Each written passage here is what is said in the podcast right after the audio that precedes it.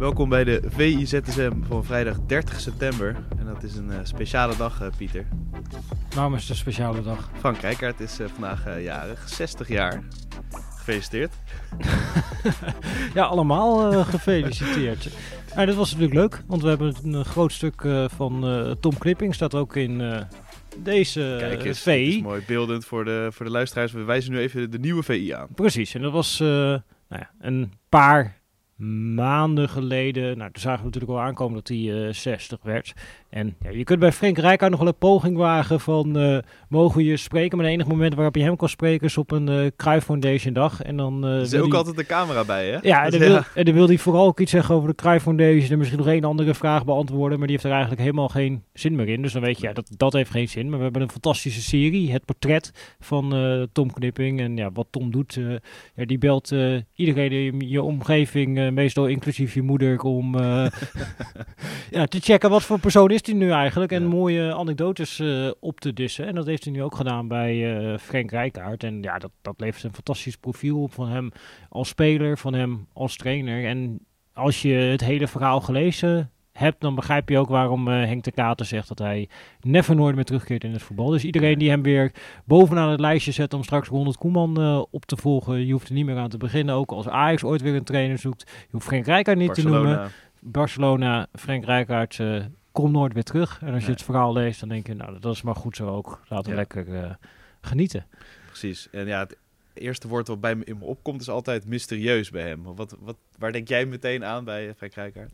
Ja, dat is inderdaad uh, een uh, element. Bij mij is natuurlijk, ik weet niet of in die zin dezelfde jeugdgeneraties zijn, maar bij mij dat, dat EK 2000, dat is zeg maar hele actieve voetbalherinnering. Het eerste toernooi wat je ja, in volle glorie eigenlijk meemaakt als kind. En dat, ja, dat blijft toch altijd wel hangen. En daar hoort hij ook bij. En bij die wedstrijd tegen Italië. Dat zal niet het leukste hoofdstuk zijn. Maar ik denk dat, dat ook die wedstrijd hem wel weer kenmerkt. Omdat nou, Oranje verloor daar. Nou, eigenlijk een toernooi waar ze natuurlijk wel heel goed gevoetbald hebben. En ja, ja eigenlijk gewoon ongelooflijk veel pech heeft. En het is geloof ik ook een beetje de nagel aan de doodskist van Jack van Gelder. Dat hij toen niet aan hem gevraagd heeft, Rijkaard, van ja, stop je ermee eigenlijk? Heeft niemand aan hem gevraagd. En, Iedereen ging ervan uit dat het niet zo was. Precies, en hij had zoiets van, oké, ja, ik ben hier aangesteld om Europees kampioen te worden in eigen land. Dat is niet gelukt, dus ik stap op. En ja, dat, dat, dat is Frank Kijkaard. En daarna naar Sparta gaat, degraderen. En je volgende klus is Barcelona. En dan win je de Champions League. En hij is tot op de dag van vandaag de laatste Nederlandse trainer die de Champions League heeft gewonnen. En ja, dat, dat, dat is heel typisch voor hem als mens. Hij ja, neemt gewoon zijn eigen beslissingen volledig eigen gereid. En ja, komt daar ook niet meer uh, op terug. En uh, durft gewoon helemaal zijn eigen koers te varen. En dat is uh, ja, juist in de voetbalwereld denk ik wel uniek. En ook ja, iemand die zich niet bekommert over imago, uitstraling, allemaal dat soort dingen. Dat kan allemaal gestolen worden. Hij wil bezig zijn met een voetbalspelletje tot hij er geen zin meer in heeft. En dan komt hij nooit meer terug. Dan blijven we ook daarna eventjes bij Oranje. Want ja, we kunnen best wel eens uh, in ieder geval de halve finale halen. Want volgens uh, veel modellen, en ook een meest gelezen artikel op vi.nl, staan we op de vierde plek hè, om uh, wereldkampioen te worden. Ja, dat is net een beetje welk model je er op naslaat. de meest positieve pak ik natuurlijk, ja. Ja, dit is inderdaad een model, dat was gisteren geloof ik ook het meest gelezen bericht op vi.nl. En dat is een model dat heet ELO-rating. En dat komt eigenlijk omdat vanuit het schaken en dat, dan, ja, is, dat model is zo simpel als dat je kijkt naar uh, sinds de hele geschiedenis wie speelt tegen wie en wie wint dan. Dus uh, dan is dat eigenlijk het enige waar naar gekeken wordt. En ja, Nederland heeft daarin uh, onder Van afgelopen jaar een enorme opmars gemaakt. Dus een plek of tien of zo zijn ze gestegen naar nu dan de vierde plek. Alleen dan zeggen we inderdaad heel snel met z'n allen van, ja, dan ga je de halve finale halen. Maar als je het waarschijnlijke schema bijvoorbeeld weer pakt, dan kom je misschien onderweg Argentinië tegen. En die staan weer boven ons in dat model. Dus dan is eigenlijk ja, je waarschijnlijk uitkomst uh, een kwartfinale. Dus je kunt eigenlijk ook niet alleen kijken naar hun model. Waar staan we in dat model? En dat is dan waar we gaan eindigen tijdens het WK. Want je hebt natuurlijk ook te maken ja, met een loting tijdens uh, zo'n toernooi. Dus de, ja, meer geavanceerde modellen die dan ook eigenlijk meenemen van nou, de zwaarte van je tegenstanders en de route. Dat moet je eigenlijk ook allemaal uh, meerekenen. Dus ik denk dat uh, ja, die computermodellen die zijn nu uh, allemaal aan het rommelen. doorgerekend. Ja, precies. Ja. Om te kijken van nou ook gegeven de route, wat zijn de teams die echt ja, goede kans hebben om dit toernooi te winnen. Maar ja, als je de verschillende modellen op naslaat, wordt Nederland een beetje tussen plek 4 en plek 8 wordt uh, Nederland uh, ingeschaald. Dus ja, je bent geen... Realistisch toch? Ja, je Misschien. bent geen topfavoriet, ja. maar je bent een uh, nou ja, goede outsider die, ja, als we een halve finale halen, hebben we het heel goed gedaan. Ja. en een kwartfinale zou normaal zijn. en alles daarboven, dat is eigenlijk gewoon knap gegeven nou, de kwaliteiten die je eigenlijk uh, zou mogen verwachten. Ja, want uh, Stefans bovenaan Brazilië voor Argentinië. Ja. Uh, dat is natuurlijk al tientallen jaren het geval. En, en Spanje. Dan de afwezige beetje Frankrijk, hè? Dat klopt, ja. Die zijn heel erg gedaald natuurlijk. ik zag toevallig nog in... Net in voorbereiding hierop, dan ga je die verschillende modellen erop naslaan. een model uit juni van Opta, en daarin stond uh, Frankrijk nog wel als grote topfavoriet uh, voor dit eindtoernooi. Dus dat, dat laat ook wel zien, zeg maar, net wat ik zeg over Vergaal. Sinds hij is aangesteld ben je tien plekken gestegen. En dan ben je nu in één keer, hoor je tot de ja, serieuze kandidaten. En dat hetzelfde is met Frankrijk, maar dan omgekeerd. Ja, je verliest een paar wedstrijden en je zakt uh, daar in één keer weer weg. Dus over twee maanden kan het... Uh, nou ja, er wordt niet zoveel gespeeld. Of nee, helemaal niet. Eh, dus, dus er gaat niet meer iets op die ganglijst gebeuren. Maar ja. er gaat natuurlijk wel iets gebeuren. Met, nou, zoals nu ook bij Nederland, uh, Frenkie de Jonge Memphis er niet bij. Of bij hen, nou, misschien is Pogba er tegen die tijd weer bij. Ja, dat kan wel net het verschil maken. Of ze stappen af van het systeem waarmee ze nu aan het testen zijn. Met drie verdedigers bij Frankrijk ook. Dus ja, er kan wat dat betreft uh, nog van alles gebeuren richting uh, het toernooi. Wat ook weer niet meegenomen kan worden eigenlijk op een goede manier in veel modellen. Dus uh, ja, het, het, speculeren is begonnen. Ja. En ja, in die zin is het ook een raar toernooi. Want eigenlijk, zeg maar, normaal gesproken zijn nu eind april zitten qua gevoel. Met een eindtoernooi voor de deur. Dan zit je Lekker heel, in de zomer. Ja, en dan zit je ook heel anders, zeg maar. Dat in je hoofd zit je ook van, oh, dus het bijna een eindtoernooi aan te komen. En nu is het... Het is echt een soort tussendoortje voor je gevoel. En dit het is een WK, weet je wel. Dat, klopt. Het voelt niet als een WK. En, nee, ja. je bent nu gewoon waarschijnlijk uh, ja, begin november. Dan is, zijn we nog vol bezig met, uh, gaan al die Nederlandse teams wel of niet overwinteren in Europa. Dus met de coëfficiëntenranglijst. Oh ja, er komt de WK. Het wordt een, het wordt een heel vreemd... Uh, vreemde gewaarwording. Maar goed, uh, Nederland is in ieder geval op basis van de modellen nou verre van kansloos en moet in ieder geval geacht worden om die laatste acht uh, te kunnen halen. Dus uh, alles wat het optimisme voedt is uh, positief volgens mij. Precies. En dan sluiten we de, de interlandperiode ook af. En ik denk dat heel veel mensen daar heel blij mee zijn. Vooral mensen met een voorkeur voor Nederlandse club of nou, uh, voetbal. Dit is in algemene zin zo, want okay. we weten bij VI, zeg maar even los van uit te dooien, dat weken waarin de minste mensen op de site zitten, los van dat er een corona-uitbraak is en dat er nergens wordt gevoetbald, dat zijn de weken, dat is eigenlijk vergelijkbaar met die periode interland voetbal. Ja. Dan, nou ja, mensen zetten even hun tv aan voor Oranje, zetten de tv weer uit en de rest van de week tunen ze volledig uit eigenlijk ja. op voetbal. En nu komt er weer clubvoetbal aan. En dan is iedereen er weer bij.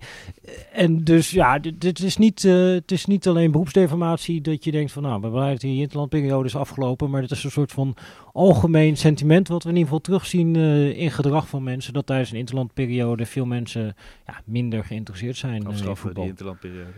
Nou, ik zou er niet op tegen zijn, uh, Sjoerd.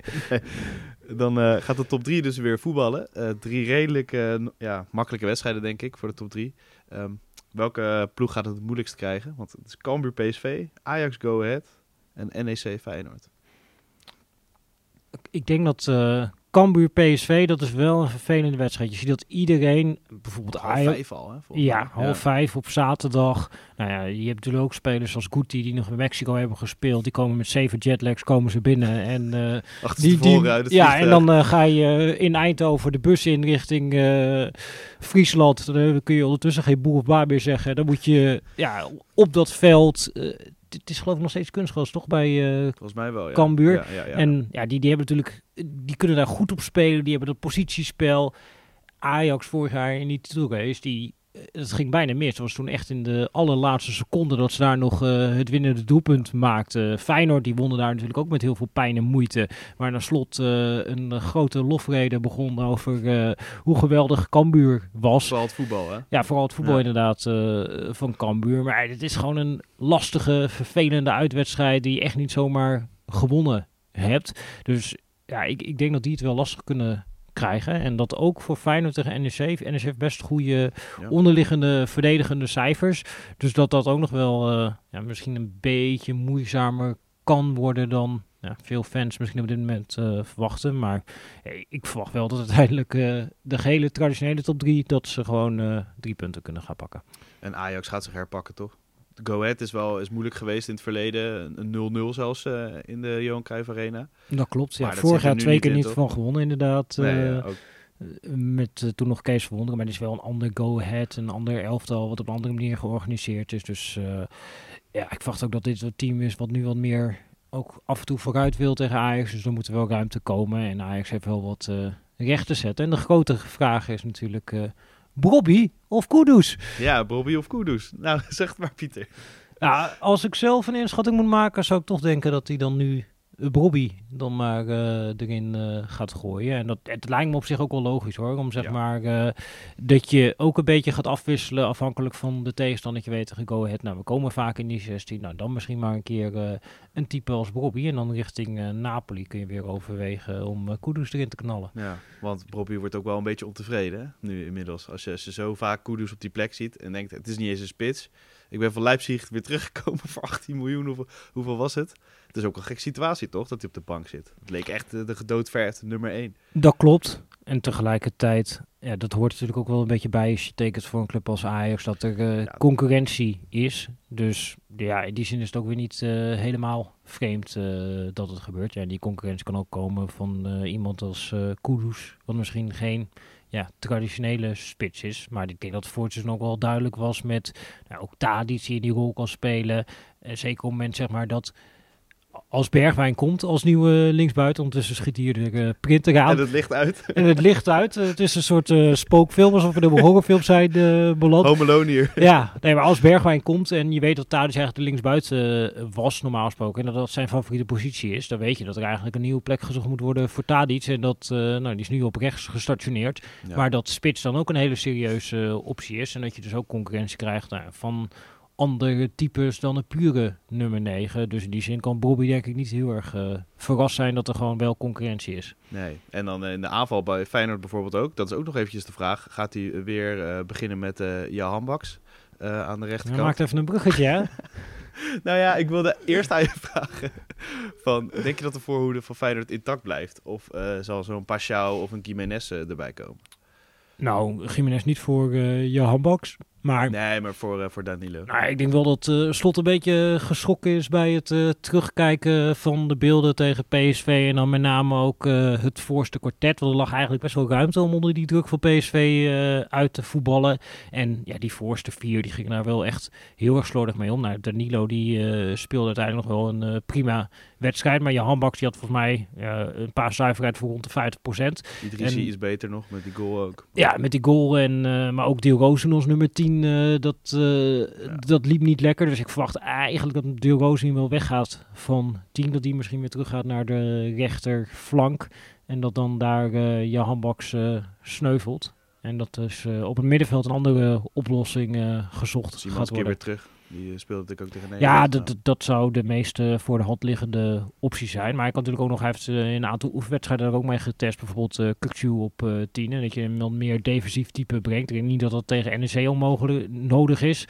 Maar dat dat misschien later in de week in de Europese wedstrijden... dat dat wel een variant is die die kan overwegen. Of weer een keer met Geert Ruiden als controleur erachter. Dus er liggen... Ja, er liggen de, die, daar is het nog niet uh, klaar bij uh, Feyenoord uh, nee. qua opstelling. Maar ik verwacht wel dat je handbaks tegen zijn oude club, dat er weer uit is.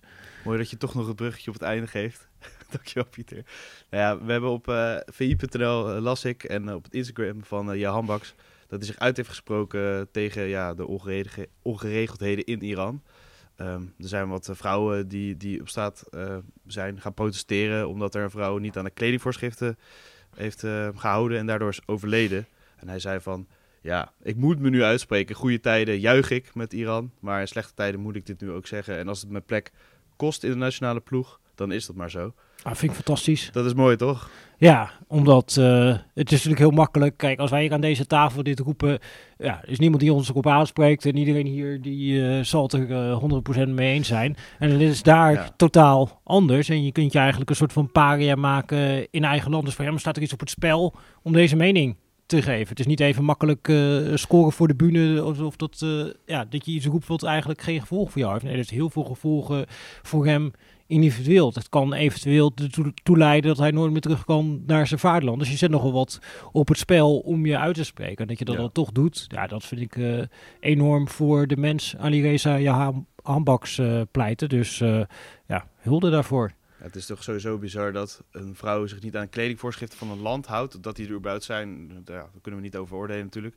Maar dat ze dan overlijdt bij, het, bij een arrestatie ook. Dat, dat kunnen wij toch ook on- helemaal niet voorstellen. Zeg maar. Nee, het is, eh, als je alles leest over wat daar eh, gebeurt, ja, dat is eh, weerzinwekkend. En, Maar dan zou je bijna denken, ik hoef ook niet uit, vooruit te komen of zo. Maar ja, dat Ja, is een nee, land natuurlijk. Dus, Klopt. En ik, ja, ik, ik kan zeggen hier eh, dat ik het Ja. weerzinwekkend vind, maar ja, dat, dat heeft nul waarde. Eh, maar dat hij het zegt, dat heeft heel Ja. veel waarde en kan misschien ook iets daar binnen dat land op gang brengen dat anderen denken, hé, hey, maar dan durf ik me ook uit te spreken en dat er echt iets kan veranderen. Ja. En dat je dat eh, durft, ja, vind, vind ik heel mooi. Laten we hopen dat het iets eh, teweeg brengt, iets eh, positiefs. En dat hij eh, gewoon zijn interlands kan blijven spelen. En het land weer blij kan maken in ieder geval. We hebben op eh, Pro ook een meest eh, gelezen artikel. Het gaat over eh, ja, de verering van een bepaalde tempel. Hè? Maar zou je iets meer kunnen vertellen over? Ja, het is een voorpublicatie van het boek van Michel van Egmond en Martijn Krabbenam, waar jij natuurlijk alles van weet vanuit eh, de Feyenoord podcast. En ja, ik, ik kan het hier gaan proberen na te vertellen, maar ik kan niet eh, de, de pen van eh, Michel van Egmond eh, overtreffen, laat staan benaderen.